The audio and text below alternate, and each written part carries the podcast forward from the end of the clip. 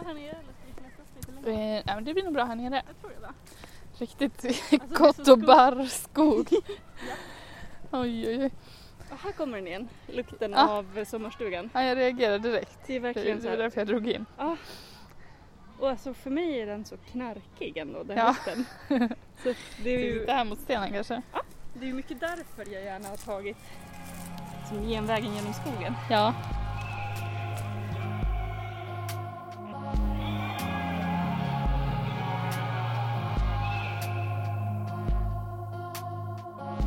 Välkommen till podcasten Hemtamt med mig Elin Persson och min stora syster Sara Persson. Idag ska vi faktiskt inte prata om skogen. Vi är mitt i Flemingsberg där jag bor just nu och där Sara har bott i många år tidigare. Vi tänkte prata om Flemingsberg och förortsliv. Vi är liksom nästan på alla sidor är vi omgivna av träd. Men bakom träden är vi också omgivna av en kuliss av hus Mm. i starka färger. Ja. Och som vi satt oss nu för att få lä bakom en sten så har vi turkosgröna och orangea ja. eh, husfasader framför oss. Hur ska vi börja från början här? Ehm, ja, alltså det här är ett poddavsnitt som vi tänkte prata om Flemingsberg i. Eh, och eftersom jag är väldigt intresserad av stadsbyggnad och idéhistoria och sånt. Jag måste bara flygplana min telefon. ja. Eh, på att den var väldigt nära micken. ja.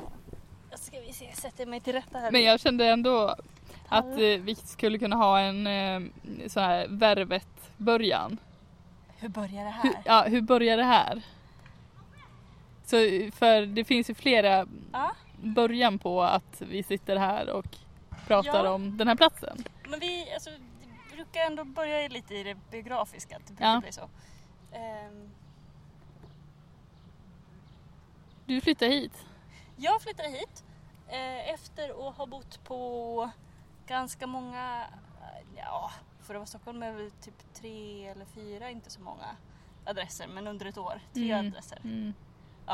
Under mitt första år i Stockholm så jag trodde att jag skulle få bo, bodde i ett vardagsrum med delat kök i Solna och jag trodde att jag skulle kunna bo där ganska mycket längre men sen så bestämde sig hon som hade den för att sälja den lägenheten så då var jag Vad ska jag göra? Ja. Ja, rådvill. Eh, och En rådvill 20-åring. ja, som bara, men om jag inte kan göra det här, vad ska jag göra? Och jag hade ju inga ködagar, och alltså 20 år, herregud, man har ju inga ködagar som Nej. räcker någonstans då. Ehm, så då hittade helt enkelt våra föräldrar att man kunde ju köpa bostadsrätt på Blocket. Man kunde fynda. Man kunde finna en bostadsrätt på Blocket och det var ju alldeles bredvid där jag skulle börja plugga. Ah. Jag flyttade till Flemingsberg i samband med att jag började plugga på Södertörn. Ja. Och flyttade in i den här eh, 36 kvadrats en och en halvan. Mm. Vilket alltså betyder att man har ett separat sovrum men eh, kök och vardagsrum hänger ihop. Mm. Eh, Den ligger på översta våningen på Terapivägen 18E. Ja, se inte för, så förvirrad ut Nej. du vet detta. Jag vet detta. Eh, med utsikt mot eh, Flemingsbergs centrum men framförallt mot Skogsdungen mellan, Ja. eh, mellan bostadshusen och centrumhusen. Eh, och från början så var det ju liksom i princip obruten skogshorisont en ganska stor del av, av utsikten. Ja. Eh, sen stack ju det här studenthuset som jag lyckligtvis tycker så mycket om Ja. eh, stack det av. Men från början så var det verkligen en sån här eh, skogshorisont och eh, kraftledningar. Eh, så. Det är någon som du kan relatera till. Ja men det kändes så här. äh, Det kändes nog väldigt välbekant utifrån den estetiken, alltså så här utifrån den estetik jag hade. Nej vi ska, jag vill inte kalla den för estetik. Men det kändes väldigt välbekant utifrån så landsbygd, småort. Mm. ehm, ja. Ett sånt perspektiv på världen. Så kändes det liksom, det kändes ganska hemma på så sätt. Ja. Men samtidigt så finns det ju väldigt mycket som absolut inte förhåller sig på samma sätt som i våran, ja men där vi kommer ifrån typ. Mm. Till exempel att man får plats på den här ganska lilla ytan som bostadsområdet utgör. Så Mm. får man plats typ lika mycket folk som i kommunen. Ja, exakt. Kommunen alltså typ, som... eh, typ 10 000 bor på den här eh, är det en kvadratkilometer kanske? Ja. Mindre? Precis, vad kan det vara? Ja, knappt halv en... kanske? Ja, exakt.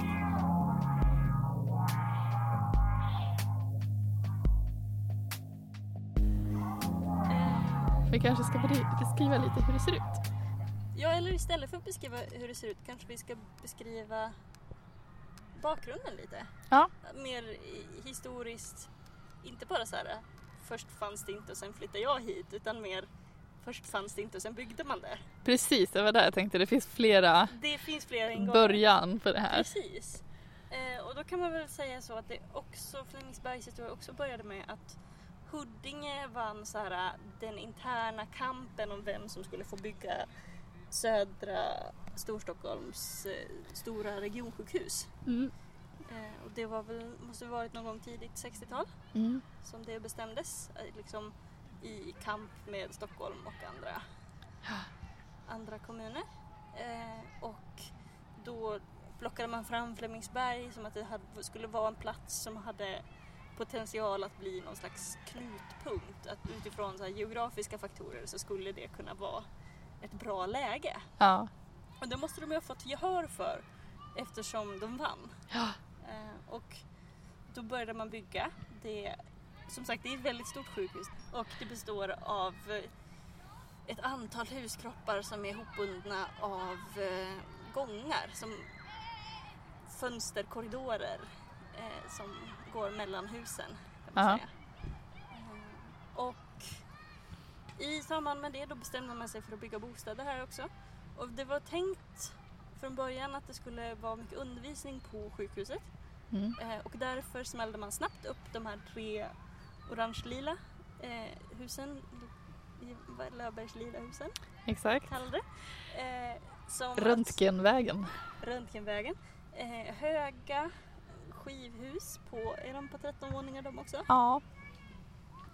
Som har ett, ett mönster alltså av orange och lila plåt Mm.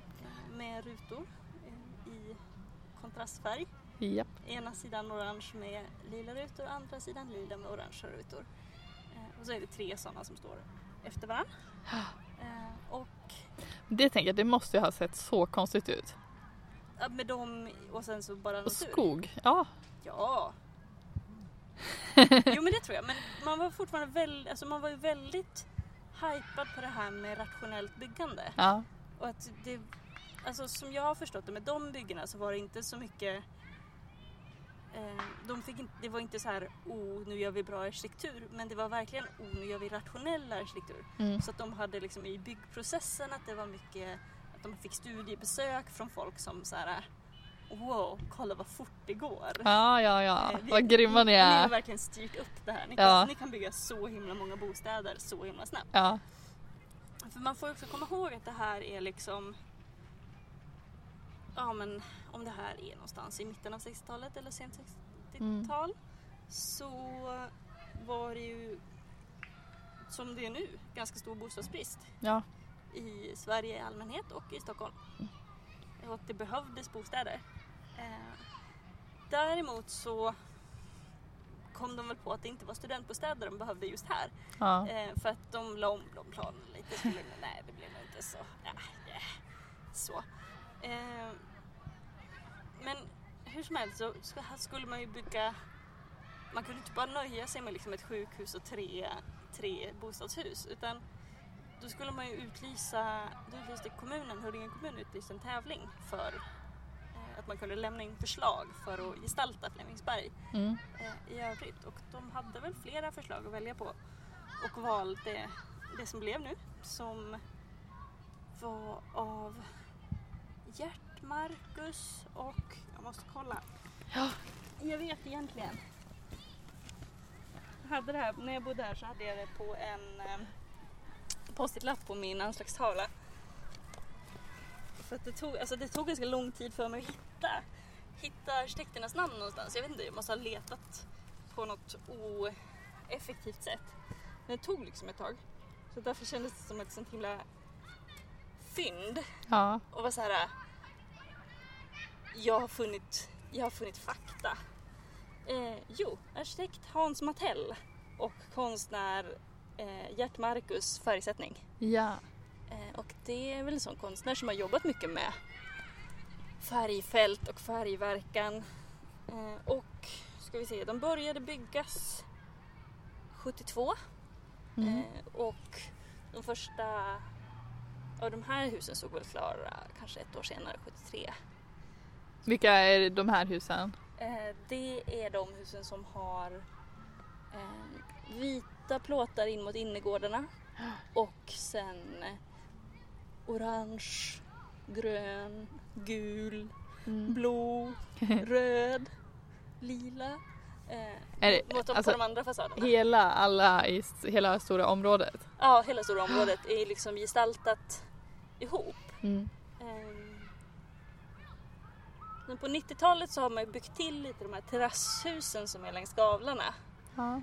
eh, I någon slags liksom förtätnings men också mindre skala ambition tror jag. Så där finns det liksom eh, tvåvåningshus med, jag tror att det är som radhuslägenheter eh, med egen trädgård. Så. Mm. Mm, var var vi någonstans? Vi ska se. Det Jo. byggdes. Det byggdes. Jo, men jag vill säga lite eh, om det.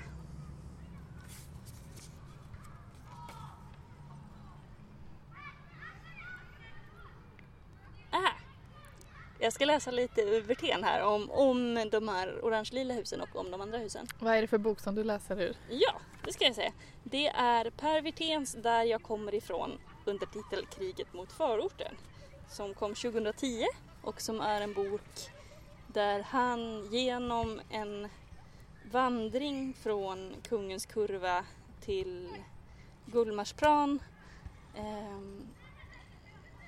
reflekterar väldigt mycket kring bilden av förorten, sina egna erfarenheter. Han menar att han främst identifierar sig som en förortsbo men ser en frånvaro av sådana bilder och en oförståelse inför att det skulle kunna vara att förorter skulle kunna vara en miljö som skapar hemmahörighet överhuvudtaget. Mm. Eh, utan att, det, att det liksom finns ett innerstadscentriskt eh, perspektiv eh, som är så här att den riktiga staden är innerstaden. Och att förorten är typ ett misslyckande till stad. Och därför ingenting man behöver prata om. Mm. Eller någonting man kanske behöver lösa och därför prata om som någonting man behöver lösa men inte kanske någonting man behöver prata om som hembygd eller så. Eh, Så det är väl lite vad han försöker göra i boken. Det är en väldigt rolig bok för den är väldigt... eh, Men han tar upp väldigt mycket. Många olika texter, många olika infall. Och, men det finns också ganska mycket som liksom, han får inte riktigt ihop det. Ja. Eh, att den här känslan av att se problem och samtidigt känna så starka känslor av att behöva försvara sina känslor av att men det här är ju bra också. Mm. Eh, och det här är en plats där jag kan trivas. Ska man då komma och beskriva den som ett problem? Mm. Jag tänker att vi kommer mer in på det sen men jag ska läsa lite här om eh, byggandet av Flemingsberg. Den eh, 5 september 1961 skrev Dagens Nyheter att landstinget hade beslutat att bygga ett storsjukhus vid Flemingsbergs gård i Huddinge. Då var det bara en skogskulle vid Glömstadalen mellan Huddinge och Tumba. Men det låg ovanför järnvägen vid en plats som hade potential att bli en knutpunkt. Huddinges kommunalråd Nils Eliasson, inom citationstecken Huddingekungen, eh, såg det som andra in, ännu inte förstod och genom sin starka position i landstinget kunde han manövrera beslutet i hemkommunens riktning. 1968 började sjukhuset byggas i fin bunkerstil men inte utan den vanliga striden mellan Stockholm som länge försökte ändra beslutet och få sjukhuset innanför stadsgränsen, närmare bestämt till Enskede. På 1960-talet ansågs det fortfarande olämpligt att förortskommuner skulle få stora satsningar som regionsjukhus, särskilt som det skulle bli norra Europas största. Tjänstemän och politiker i Stockholms stadshus var dessutom fortfarande förbittrade att Huddinge fått IKEA till Kungens Kurva. För Kungens Kurva ligger också i Huddinge kommun. Ja. Tanken var att sjukhuset också skulle bedriva utbildning. Men när de första tre husen med sina studentlägenheter och fasader i de gräsliga 1970-talsfärgerna orange och lila stod klara 1973 hade landstinget tvingats ändra sina planer och det blev ju inga studenter. Man tvingades bygga om husen innan de ens tagits i bruk. Flemingsbergs mödosamma historia började innan den första hyresgästen ens hade flyttat in. Resten av stadsdelen var en helt annan estetisk satsning med arkitekten Hans Mattells renskalade hus och konstnären Gert Marcus raffinerade färgsättning. Huddinge kommun hade inte valt det billigaste när olika alternativ presenterades och det kom studiegrupper från hela Europa för att följa arbetet. Flemingsberg skulle synas. Men när husen började bli klara Eh, jag minns ett besök på den gigantiska arbetsplatsen när jag i nionde klass praoade på kommunens stora byggnadskontor och hela kullen såg ut som en enda stor betongplatta. Då var bostadsbristen redan bortbyggd och det blev nästan omöjligt att hyra ut lägenheterna. Eh, och jag tycker att det stycket men ganska tydligt vad ska man säga, förklarar problemet. Mm. Um, att ja, men man får en stor satsning på ett regionsjukhus mm. och sen går det lite mer än tio år innan man har liksom fått upp, ja men dels att sjukhuset har blivit klart men att man också har fått upp de här bostäderna som man, som man ska bygga den här orten med. Eh, och att då plötsligt så har alla andra också byggt så många liksom, det var ju det som var miljonprogrammet. Man skulle bygga asmånga bostäder. Ja. Och plötsligt var det mättat. Och då fanns det här liksom som var nytt och genomtänkt och man hade satsat. Men det var liksom ingen riktigt som behövde det just då. Därför har det väl aldrig riktigt fått den liksom... Det har inte riktigt fått någon glans över sig. Nej. Utan snarare an andra, andra känslor. Men hur hade det varit om eh, det hade varit eh, om det hade kommit i rätt tid? Så att eh, människor hade strömmat hit när de var nybyggda? Mm, det är lite svårt att säga ju. Mm. Eh, för det har inte hänt. För det har inte hänt. Eh, och det är liksom en kombination av eh, estetik, alltså så här, tids, tid när det byggdes påverkas ju också, påverkar ju också hur det ser ut. Mm. Eh, men jag tänker, ja, kanske är för insyltad i det själv men jag, tycker jag tänker att Bredäng är väl kanske lite det. Mm visserligen mer inlämnad i liksom en, en rad av södra förorter eh, längs tunnelbanelinjen. Men det byggdes lite tidigare, har också de här väldigt storskaliga husen. Eh, präglas mer av liksom betong och dämpade färger. Eh, men var väl också rationellt byggande men ligger i sådär, man har sparat mycket stora tallar och mm. en, att det liksom ja men att den kultur och naturmiljön eh, finns kvar i en slags tuktad form i eh, förortsbebyggelsen. Eh, och jag vet inte, har Bredäng bra? Jag, tycker, jag tänker att Bredäng ändå har liksom lite högre status. Men nu, jag vet inte. Nej, jag förstår. Men för jag tänker så här att ehm, om, man, om historien är sån att människor, alltså när det väl var klart, Ja. inte ens då var det liksom riktigt eh, att det behövdes. Att, eh, jag förstod lite som att de fick lov att eh, Alltså bara, kör hit folk, Ja. flytta in folk. Jo precis, det var ju det som hände sen. Eh, att de liksom började leta efter bostadslösa.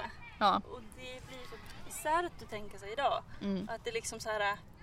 "Åh, har ni någon som ska, snart ska skrivas ut och inte har någonstans att bo? Mm. Vi har massa lägenheter. För att det var Kom till liksom, ja, men det var, gick, kommunen gick väl så mycket back på att ha en massa, investerat i en massa tomma lägenheter. Liksom. Ja.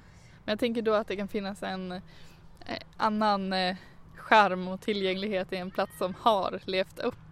Och även om den har liksom eh, det har tonats av idag så finns ändå den historien. Ja, absolut. Jag känner väl kanske att snarare att Flemingsbergs tid är typ snart. Ja.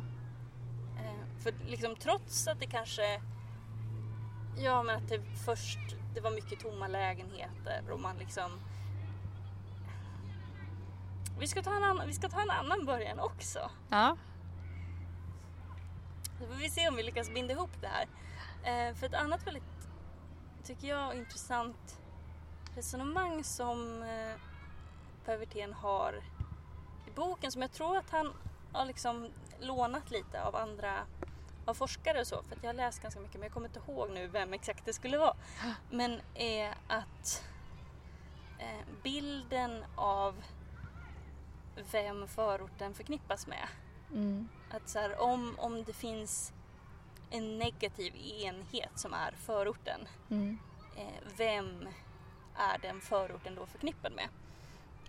Och ja, men han skriver om att på um, 60-talet när Skär, Skärholmen invigdes, då var det hemmafrun. Då var det så här, den understimulerade hemmafrun eh, som, som liksom dog av tristessen Mm. i sin förort och var avskuren och isolerad. Var ett problem liksom. och var ett, ja, ett proble- hon var ett problem men platsen var också ett problem för Mm.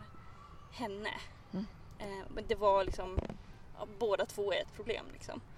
Eh, och att det sen då kanske någon gång, någon gång under 70-talet eh, togs över av en bild där förorten var liksom en plats för eh, social utsatthet eller så här utslagna.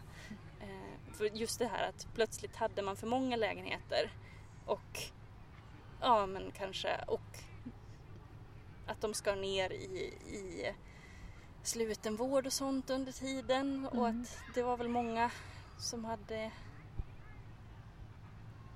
psykiska problem och alkoholproblem och så som inte prioriterades högt på andra delar av bostadsmarknaden men som kunde få en bostad Mm. eh, här där bostäderna såg tomma. Så då förknippades den med ja, någon slags... Socialfallet kallar han det. Ja, han använde lite olika. Den tilltufsade Ja. eh, men också ganska manligt kodat. ja.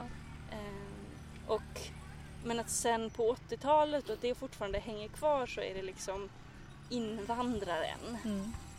Då blir liksom förorten är en plats där på något sätt så, här, så krockar både ort och människor med varann och människor krockar med andra kulturer. Alltså så att det någon slags föreställning om att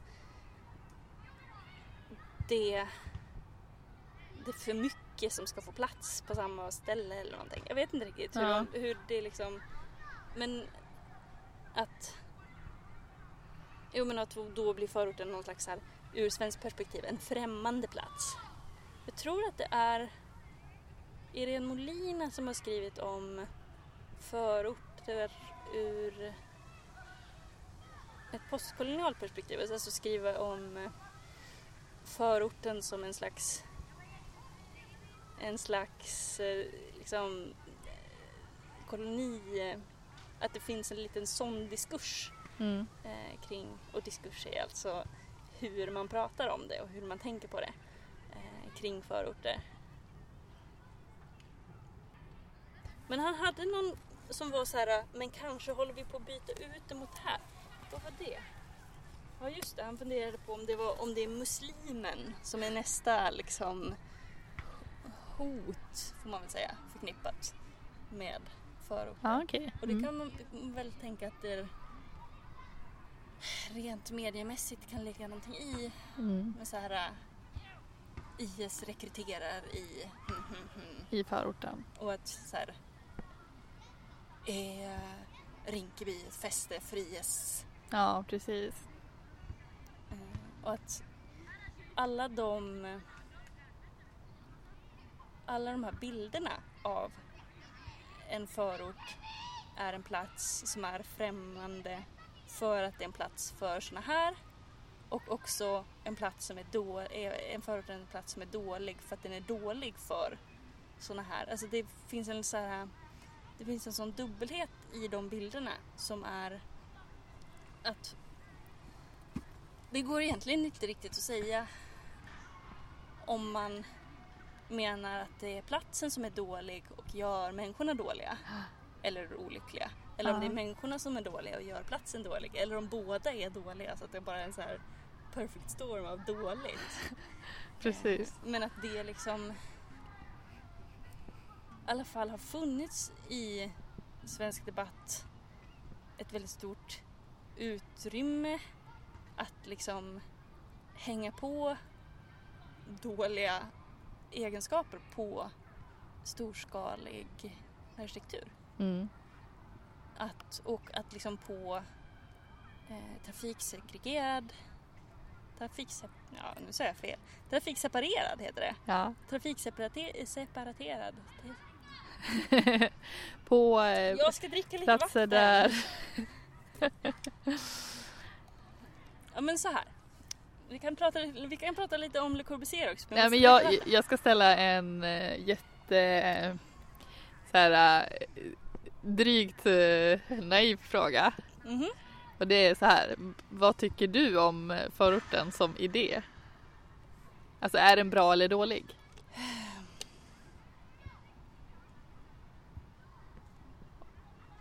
Och du menar platsen? Ja. Är platsen dålig för människorna? Nej. Det beror ju på vad man vill ha liksom. Ehm, alltså den, en förort med så storskaliga ehm, storskaliga flerfamiljshus ehm, som liksom ligger inte i direkt anslutning till övrig stad.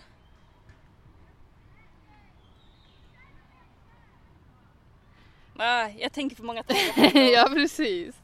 Du har bott här i många år. Jag har bott här i många år. Nej, men, Men för jag tycker... jag, är också så här, jag är också på ett sätt... Ja... Jag är, lite, jag är lite för mycket relativist tror jag Ja, i den här frågan. Jag vet ju att det finns väldigt många som trivs. fråga? Jag vet att det finns många som trivs i sådana här miljöer. Ja. Jag vet också att människor har en hög benägenhet att faktiskt trivas där de bor. Ja. Ehm, jag kan känna mig hemma i sådana här miljöer.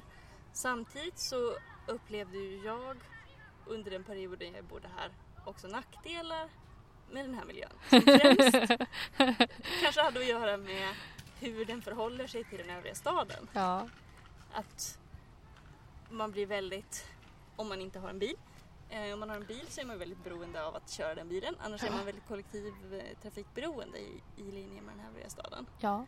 sig, ihop för att, för att ta sig någon annanstans helt enkelt. För att avstånden är så pass stora. ja, precis. För att det är tre kilometer till Huddinge centrum och Det är Två- inte två mil jordens metropol. Ja, precis. Jag tycker det är lite störigt att bo här. För att du egentligen skulle vilja bo mer centralt i Stockholm. Ja, jag vet inte om jag skulle vilja det. Men eh, det, det är ju framförallt den där liksom eh, eh, tarmen in till Stockholm som Ja. liksom forslas längs varje dag och sen Ja. tillbaka. Och som funkar ganska dåligt man blir Åh. väldigt beroende av den. Alltså det blir väldigt tydligt Mm. hur beroende man är av den. Och sen tycker jag att, eller det är ju det som är liksom att just då att vara på den här platsen med husen runt omkring. Jag tycker att det är, det är ganska så begränsat. Det här är en plats Mm. och ska jag vara någon annanstans då ska jag ta mig dit. Mm. Är man här då är man här. Mm. Det, det har ju för mig varit en väldigt bra, bra plats att vara hemma. Alltså Mm. i min lägenhet och eh, ha liksom ett så lugnt hemmaliv som jag haft ganska mycket på sista tiden. Det funkade bra för men för att liksom hitta på saker och göra aktiviteter och sådär Mm. då är det ganska irriterande. Jag förstår. Jag tänker på en annan grej. Eh, jag läste om Per Wirténs bok nu så det är därför det kommer så mycket eh, kopplingar till det. Saker jag fått syn på igen. Ja. Eh, jag kanske inte ska leta på det. Eh, utan bara, Kör bara, utan bara hitta återberätta på. ur minnet. Jo men han, det var något ställe där han liksom eh, ställde frågan om Ja men vad behöver man kunna göra i en förort för att den ska räknas som en plats där Alltså Ja men om man bor i Vasastan så tycker ju kanske ingen om det är konstigt att man jobbar på Stora Essingen och åker på en restaurang i liksom på Södermalm och Ja, går på bio vid Medis och sen åker, alltså ehm, att det blir ju på något sätt i föreställningen om att förorten ska fungera som ett lokalsamhälle, alltså så- ska fungera som en by typ. Ja, Eller en, en liksom tätort som ligger på landet. ja. Det blir ju i den föreställningen som kanske förorten verkar mer begränsad än andra delar av stan. Mm. Sen kan det ju ligga någonting i avstånd, att avstånden blir större. Mm. Ehm, Det märker man ju av också liksom, ju mer tiden går. Alltså så här, just hur beroende man kan bli av kollektivtrafiken. Mm. eh, och att inte kunna själv cykla eller gå till platser. Men jag tycker ändå att det är en ganska, jag tycker ändå att det är en, det är en relevant invändning mot så här, den to, det torftiga förortslivet. Mm. Ehm, men behöver man kunna göra allt på ett ställe då? Ja. Om det är ett bra ställe att bo på? Är inte det? Alltså det är ju sällan så att man bor, handlar, jobbar och har sina nöjen och vänner i samma liksom, ja, precis. Och hur mycket ser man då av livet? eller liksom så. Ja. Ehm, Det tyckte jag var ett bra sätt att liksom vända det på. ja, För en sån här förortsbebyggelse kanske inte behöver vara bra på allt. nej. Men den behöver faktiskt eh, lite bättre kollektivtrafik tycker jag. Ja, det behöver framförallt mer pålitlig. Det, nu plockar jag fram min lapp med Ah. citat av. jag har också läst samma bok här lite innan. Eh. jo, eh, det var ju tydligen så att pendeltågstationen kom ganska sent. Ja. Och tidigare så fick man åka buss till Huddinge. Mm, parallellt med spåren. Ja ah, okej, Alltså, provocerande. Fatta, vilken, fatta, fatta retsamheten. Det var typ Ja, SJ som vägrade bygga en station för att de tyckte att det var jobbigt och dyrt. Typ. ja, och då skriver han så här. Skakiga och långsamma resor i buss. Det är så föraktet mot förorten uttrycks i konkret politik. Ja. Ja, det där kunde jag känna va, i frustrationen. Ja. Och det där eh, som vi har pratat om i tidigare avsnitt om, det är ju eh, landsbygden liksom. Ja. Och där är det också bara, men varför kan inte min buss bara komma någon gång? Alltså, Ja, jag är bortglömd. ja. ja precis. Du, förklarar, du förväntas... Du Inte förvänt- åka. Nej, du förväntas klara dig själv. Ja, Ska precis. du åka någonstans så... Må- måsar som kommer allt närmare. Åh gud vad rädd jag Med blev. någon slags ganska korvbröd tror jag. Ja, det var Ett helt jättestort. korvbröd. I munnen. Ja, till att börja med tyckte jag nästan att det såg ut som något som rörde sig men alltså, Det var måsar äter inte sånt. Vi kan också se, apropå måsar, Ja. alltså det låter ju som att det skulle ligga stort vatten här. Det är ja. mycket måsar. Men det är ju dalsänkan som, som tågen går i. ja. Det är ju en gammal våtmark. Mhm. Men på den här sidan om, eh, vattnet så kommer det typ inget vatten på flera kilometer förrän man kommer bort till eh, Mälaren vid eh, Masmo där borta. Ja, Eh, men på andra sidan så finns det ju de här vattentäkterna ja i naturreservatet. Ja. Men det är ändå så här, det låter som att man är typ vid havet. Ja, precis. Men de har, de har hittat annat än typ Fisk, de hittar korvbröd. Precis. Det finns Jag tänkte på det eh, som du berättade om hur eh, Flemingsberg blev till. Mm. Att det var en politiker som eh, sa här ska vi ha ett sjukhus, Ja. det finns potential i den här platsen. Ja. Men eh, alltså, jag kan känna att det ändå är en plats där man har velat ganska mycket. Nu är det så igen, de Ja. bygger och alltså, de har liksom hela tiden Mm. tänkt ganska mycket aktivt, så här ska det vara. Ja, Det har liksom inte blivit. Och det kan man ju tycka är dåligt. Ja. Alltså utifrån... För det var ju också lite den pen- pendeln som svängde på 70-talet. Att... Menar att istället för att ha någonting splitternytt i, i så här äh, metall Mm. så ville man ha... Man ville bygga sin egen villa med snickarglädje på Mm. och liksom ställa in en ärvd möbel i. Eh, att det liksom... Det moderna blev omodernt helt enkelt. Ja. Alltså nytt var inte... Ja, gammalt blev det nya nytt liksom. ja. Eh, och det där är väl då, kvar då grann. spelar det ju ingen roll hur mycket man har tänkt. Det blir liksom... Men det paradoxala är ju då att, att liksom att då den här storskaliga för, förorten liksom föreställs vara en bortglömd och negligerad Ja. plats. Fast det samtidigt liksom, alltså så här, i stadens medvetande. Ja, jo men där är det nog en ganska bortglömd plats. Mm. Men samtidigt så liksom, det byggs någonting nästan hela tiden. Mm. Det utvecklas, det är liksom, saker ändras. Precis, här har jag vet inte när de byggde tingsrätten här är väl lite ganska ny. Ja men jag tror att det också kanske är så fem år sedan. Ja, Det ligger ju en jättestor eh, plan på att de ska däcka över hela parkeringsplatserna i eh, dalen. Att de ska Ja. bygga... har du inte sett nu? Nej. När, eh, vi, om man såg på perrongerna så de har ju satt ner så här plintar, de håller på och bygger. Ah, Det ska bli typ en sporthall och ICA Maxi och... Just det, och det blir ju då de här jättestorskaliga sakerna, Mm. några stycken. Men egentligen så är det väl typ Rutnätsstad som de har sålt in det på. Mhm. Att det ska liksom finnas här kvartersstad eh, mellan Visättra och Flemingsberg. Aha, Som ska liksom binda ihop det. ja det är ju smart. Fast Ja. det kommer inte bli det eller? Eh, Jag, jag vet, jag vet så. faktiskt inte hur det, hur det ser ut om de får plats med både ICA Maxi och... Ja, eh, det är det. Man blir, sporthall man och blir också så, kvartersstad.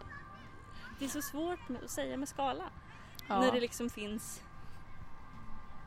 Det finns stora hus Ja. och sen så finns det sånt som känns som orörd natur. Eller jättestora parkeringsplatser eller industrilokaler. Jag tycker det är lite svårt att gå promenader i den här Ja. miljön. Ja, man behöver typ veta först. Ja, exakt. Det och jag, precis. Jag skaffade mig en vända som gick in mot, mot villorna och sen liksom ut bakom sjukhuset. Ja. Men ja, det är ju ett, det är ju ett område som är, som är byggt för att man ska röra sig i det snarare än genom det eller Mm. förbi det eller så. Vilket ju hör till liksom, ja men de har planerat det som ett bostadsområde Mm. och det finns liksom utrymme för rekreation i, på gårdarna och de här lekparkerna och det. Eh, Men man har inte riktigt planerat eller det finns inte riktigt de länkarna med, med det som ligger omkring. Nej, precis. Jag vet inte om det är sant men förutom mot, mot villan där så min känsla är att jag gick ganska mycket i skogen när jag bodde här. Mm. För att det är ju ganska nära till det här väldigt stora eh, naturreservatet. Mm. Flemingsbergsskogens naturreservat. Eh, där typ Sörmlandsleden går och så. Ehm, så det är väl min upplevelse av vad det är att bo i Flem- Flemingsberg är också färgad just av det. Så här, när jag tittade ut genom mitt fönster så såg jag den här skogsdungen Mm. Eh, och på lördagarna kunde jag gå ut i skogen och plocka blåbär. Ja, precis. Och gjorde det ibland liksom. Eller plocka svamp eller så. Ja. Eh, Och så här, heja på någon, någon kassörska från Pulsen som också var ute och plockade, plockade svamp. Ja, så Mm. trevligt. Ja, det låter ju som, det låter ju som ett lokalt liv. Liksom. Exakt. Vilket ju är jätteparadoxalt för här om, när vi pratade om stad och land så var ju jag så här nej, lokalsamhälle, nej. Ja. Eh, skogen eller eh, skogen eller stan. Inte hälsa på någon man träffar som man känner igen i skogen. Eh, Jag brukar alltid heja på mina grannar i isen. Ja. Eh, Här. här. Ja, dina grannar. Jag bor här Ja, nu. ja, ja, men brukade. Ja, ja, ja. Mm. Eh, mina grannar i Uppsala är jätteopratsamma. Ja. Eh, alltså som vill inte heja. Nähä. Eh, jag vet inte, ja, men de typ skyndar sig in. Jag möter dem nästan. Ja, just det. Men ni har Men det ingen hiss. hissen. Och, ja, precis. Alltså det tar, jag tror att det tar ganska precis 30 sekunder ja, att jag kan åka, tänka mig det. åka 11 trappor. Jag brukar stå på morgonen. Jag Ja. är alltid så sent till pendeltåget. Ja. Så kollar jag på klockan när jag trycker på knappen. Ja. Och sen så, så jag kollar på klockan hela tiden när jag väntar på hissen och den är, jag bor ju högst upp. Och sen så väntar i hissen på att åker ner. Ja, det brukar gå en minut totalt. Ja precis och då är man ju också så här. Ah, är det några andra som också ska med samma pendel? Ja. Kommer, hur många gånger, hur många gånger har jag tid med att den här stannar på vägen? Ja, Jaha, och så är det någon som ska åka typ mellan trean Ja. och eh, tvättstugan. exakt, fy. Och så ska de så här bära ut sina kassar. Ja. Nej. ja, men det är ju ganska bra. Det är ju ganska hejig stämning i den hissen. Ja, så jag tycker, alltså så här, det var ju väldigt många också att man visste ju inte alltid vilka som bodde och vilka som var på besök och så. Nej. Men jag upplever nog ändå att jag hade mer kontakt med mina grannar där än vad jag har nu i så här tvåvånings Ja. 60-talshus. Att då är det liksom så här, jag ser dem men de liksom söker aldrig min blick. Nej, Eh, och vi så här, tvingas aldrig vara i, i samma lilla avgränsade utrymme Nej. samtidigt. Det är, ju, det är ju speciellt med den här hissen eftersom den är så lång. Tänker jag att det är därför som man säger hej och hej då. Ja, kanske. På hela, Ja. ja, tio våningar senare så Ja, har man precis. etablerat relationen att säga hej då. Ja. Ja precis, för annars om man bara korsar varandra i, Hej, hej då! i, i, i korridoren Nej, det går inte. nej, då kommer man inte riktigt dit.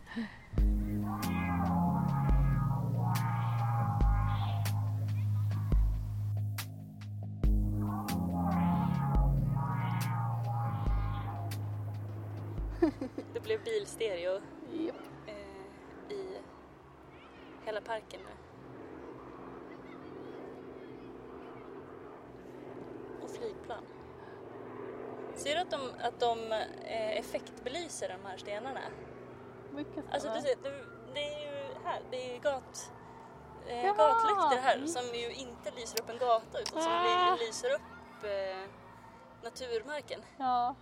Väldigt modernt ju. Ja. Alltså nu. Det är Ja. väldigt nutida. Och då är de Att- gamla? Alltså att, nej, det är, de är också nya. Ja. Men det är väldigt, alltså det är väldigt, det är ju ett tecken på att så här, Någon har tänkt. 2010-talet ja. eh, finns här i, i miljonprogramsförortens kärna. Ja.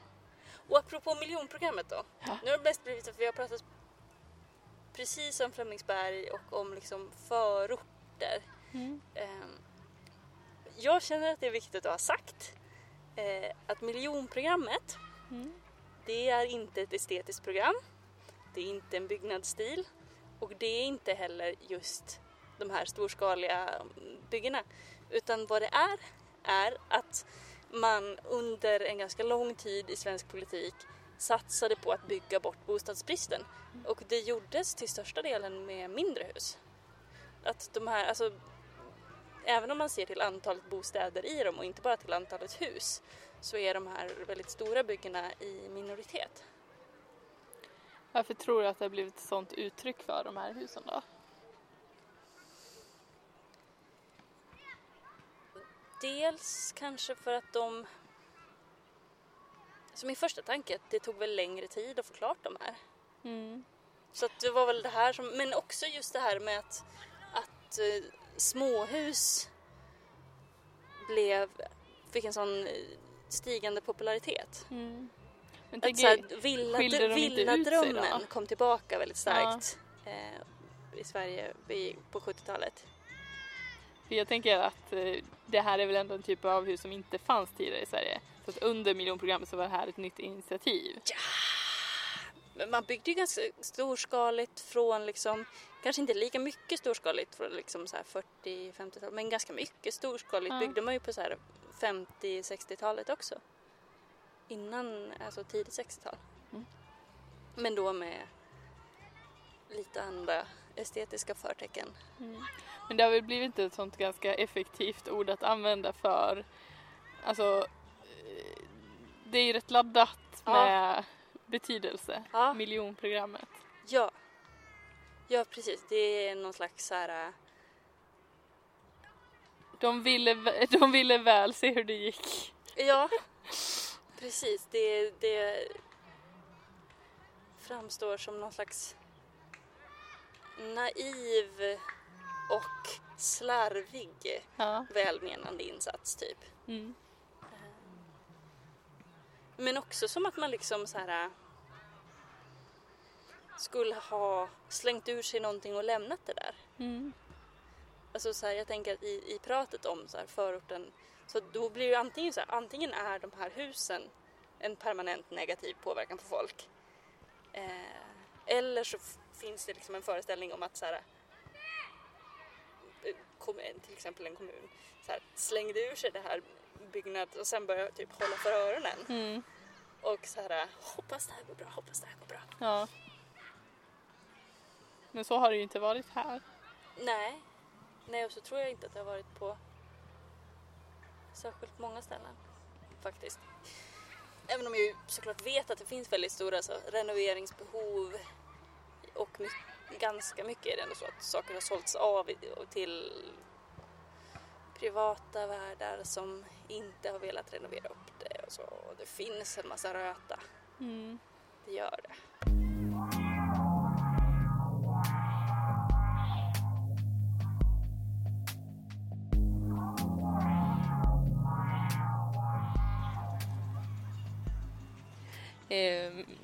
Jo, men det här med det sista jag skrev upp som jag inte har pratat om.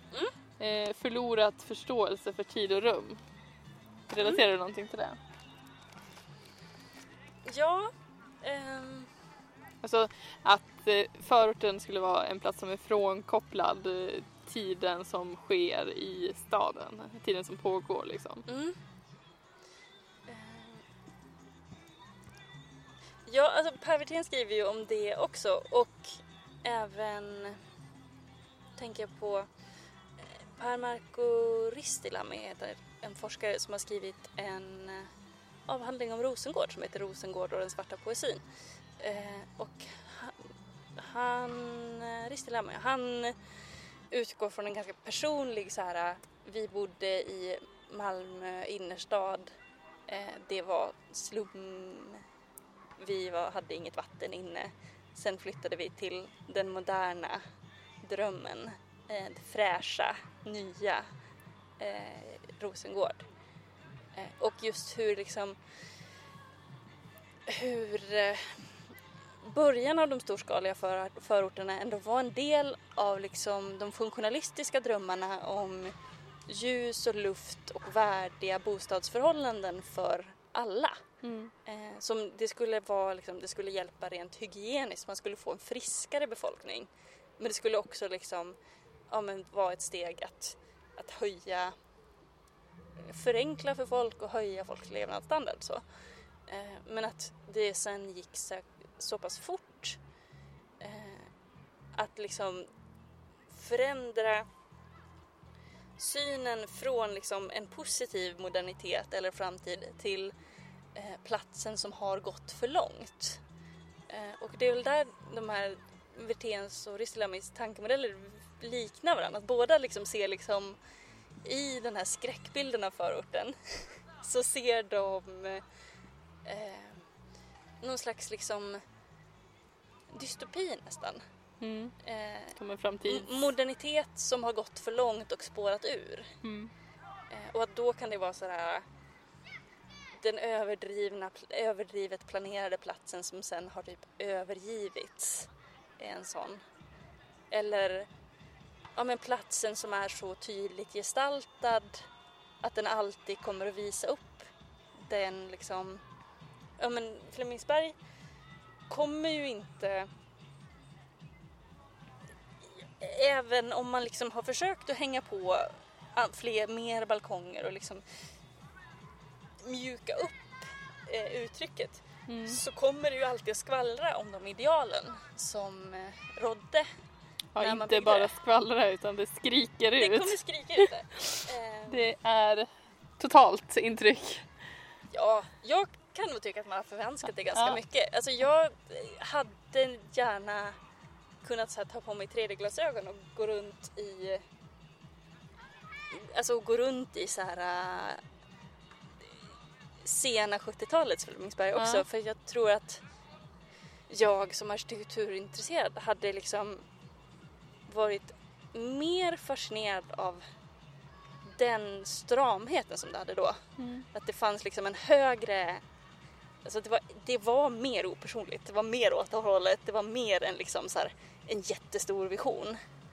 Eh, och att, som jag ser Flemingsberg nu så tycker kanske jag att det har blivit lite fulare genom, men jag tycker också att det har blivit mycket personligare genom att liksom olika hus har utvecklat sina balkonger på olika sätt. Man har glasat in dem, man har satt på de här gavelhusen. Att liksom Ja, men man ser faktiskt att det är en plats i tiden när man Ja. tittar närmare.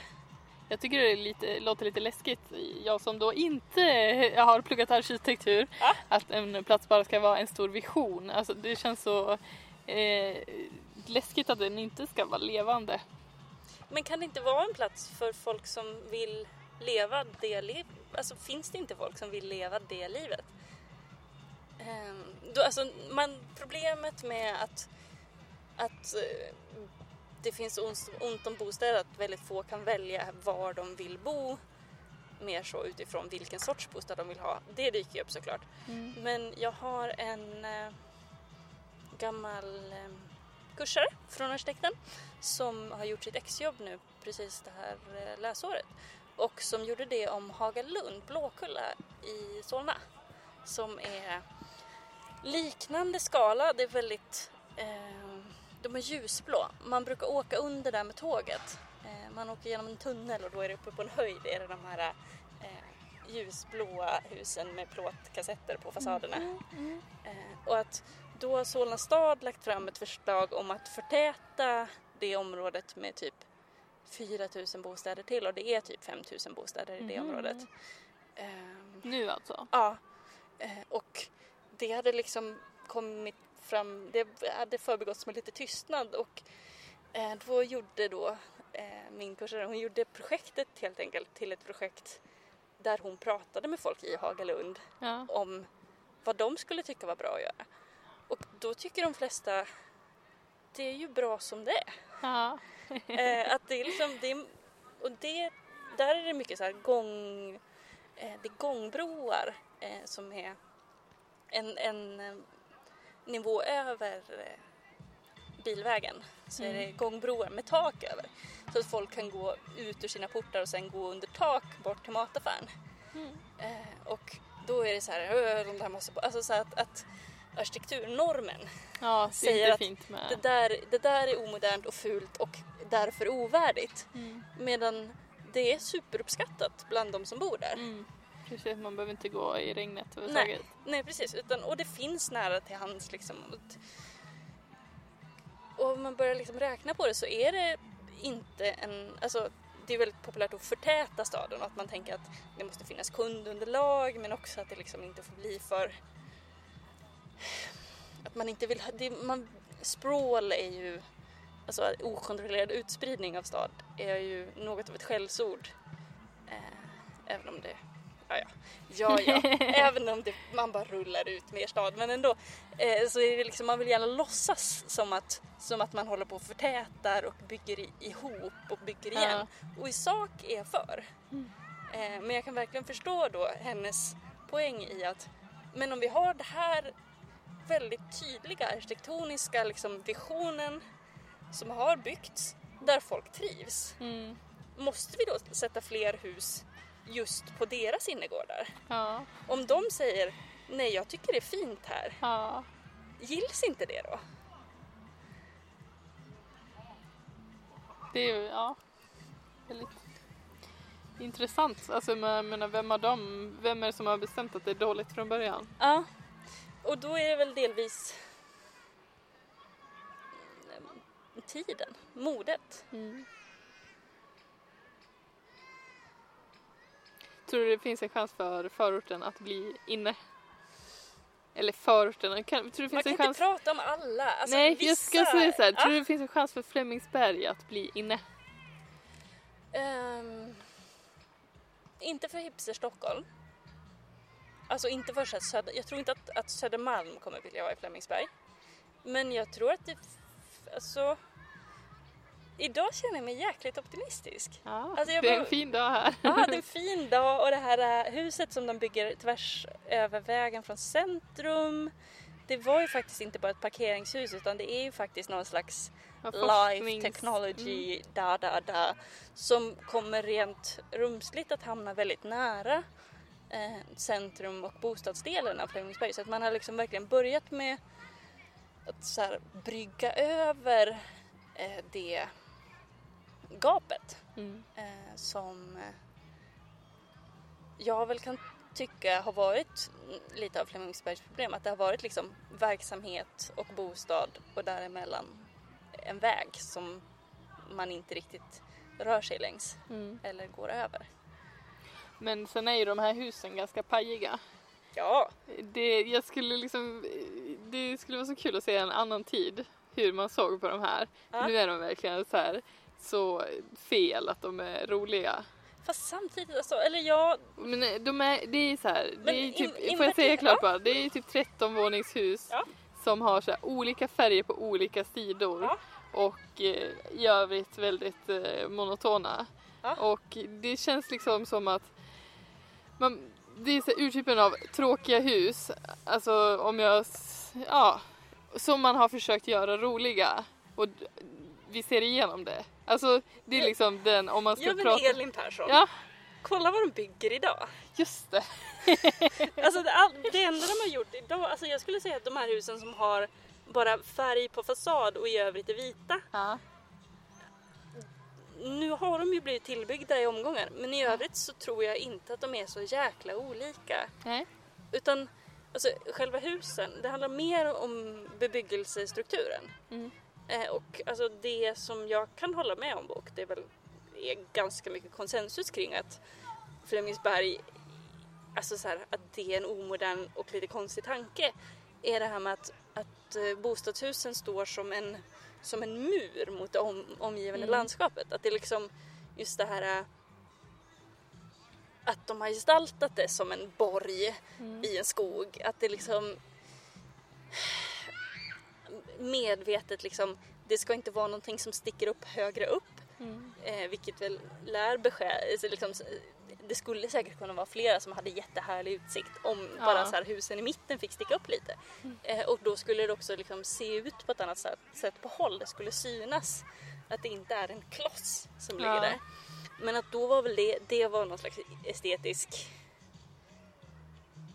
fantasi som de hade, som de liksom fick igenom för att kanske projektet i övrigt var så bra. Vet inte. Det är ju svårt att se, det är ju svårt att se att man skulle tycka, skulle ha tyckt det bra. Mm. Men det kanske var ett försök att liksom komma undan från känslan av att det var liksom blåsigt och utsatt. Ja. Att då mer så här, men vi gör, vi gör hus som liksom sluter sig om varandra. Jo men husen skulle nog kunna se ganska likadana ut idag. Jag tänker att det framförallt handlar om eh, stadsstruktur, stadsbyggnadsfrågor. Eh, om man nu på 70-talet var väldigt intresserad av att separera trafiken, att hålla bilarna för sig för att bilarna skulle få åka snabbt och att liksom alla andra skulle vara trygga så är man ju nu mycket mer intresserad av känslan av stadsmässighet. Mm. Eh, och att så här, ja det kan finnas parker men det måste vara urbant. Mm. Eh, och att liksom eh, en rutnätstad eh, är liksom det optimala eh, tecknet på stadsmässighet. Men det där undrar jag, för det där kan jag känna igen mig i att jag vill faktiskt också ha stadsmässighet i det boende jag vill ha nu. Ja. Eh, men då undrar jag liksom om, är det så att eh, vill alla ha det nu för att det är tidens anda eller har man valt vilka personer som man ska bygga för och att det är då för oss eh, journalister i 25-årsåldern 26 är som söker oss uppåt i karriären som man bygger för just nu. Ja, man köper väl för kapitalstarka personer. Ja. Eller vad säger man? Snart, köper, vad heter det? Man bygger för kapitalstarka yes, personer. Snart kapitalstark. Man, man bygger för liksom eh, folk som vill klättra, mm. tänker jag. Annars bygger man villor för folk som vill ha sin egen ha sin, alltså som vill ha sin egen trädgård. Mm. Ja men det är ju rimligt. Sen så finns det då också andra viljor och behov som eh, man kanske inte bygger för lika mycket. Alltså om vi typ var fler och fler på fotboll, fotbollsmatchen, nu är ja. det också typ en hund med. och väldigt varierande, nej den var två bollar och väldigt varierande storlek på spelare. alltså det är kaos. Det är kaos och det är happy times. Japp, fredag kväll i Flemingsberg. Jajamän, man kan ju konstatera att inte alla är så peppade på att respektera den här trafiksepareringen. Nej just det, här kommer en Att folk liksom ser till att köra in och köra runt Eh, typ parkerar sin bil borta i parken för att kunna blästa musik. Ja.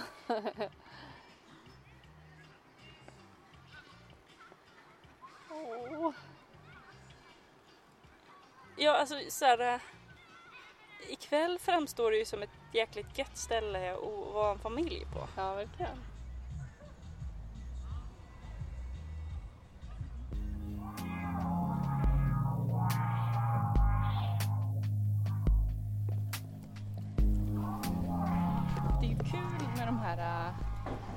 runda fönstren på balkongerna. Ja. Ehm, för att så här... Ja, men att, att det liksom, mycket av så här, kritiken mot storskaligt byggande på 70-talet var så här Ja men ska människor bo i en liten skokartong eller typ en liten fågelholk? Ja. Eh, och att, att, jag menar, att den lägenheten uppe på eldsvåningen kan verkligen kännas som en liten fågelholk. Precis. Här, med, med ett runt fönster med utsikt över skogen. På ett ganska bra sätt. På ett ganska bra sätt. Eh, och att jag tänker att det är väl också lite på det sättet som eh, lite på det sättet som så här, förortsbebyggelse i grönska kan funka som liksom fristad eller bostad, liksom bostadsplats. Att det inte är så här arbete bostadscentrum för alla nödvändigtvis. Utan att det är så här äh, en plats att dra sig tillbaka från typ en hetsigare stadsmiljö eller så. Jag vet att jag minns under perioder tyckte att det var väldigt skönt att kunna åka hit. Mm. Eh, det var också mycket så här när jag var på KTH och typ väldigt mycket så försvarade. Mm jo man får bo här och jo man får gilla det här och jag måste gilla det här nu för att försvara det liksom. Ja. Eh, men att det blev väldigt så här, att det blev ganska starkt att det här är en plats som jag, där jag liksom räcker till på ett sätt. Mm. Eh, det är inte så himla krävande plats liksom. Nej, precis. Det är ganska enkelt så vilsamt. Mm. Och på så sätt kan det vara liksom ja men stad på lite så här trädgårdsstaden som så här, den borgerliga mannen åkte hem till familjen i. Alltså där, det kan fylla lite den förortsfunktionen. Ja. Även en lägenhet på elfte våningen.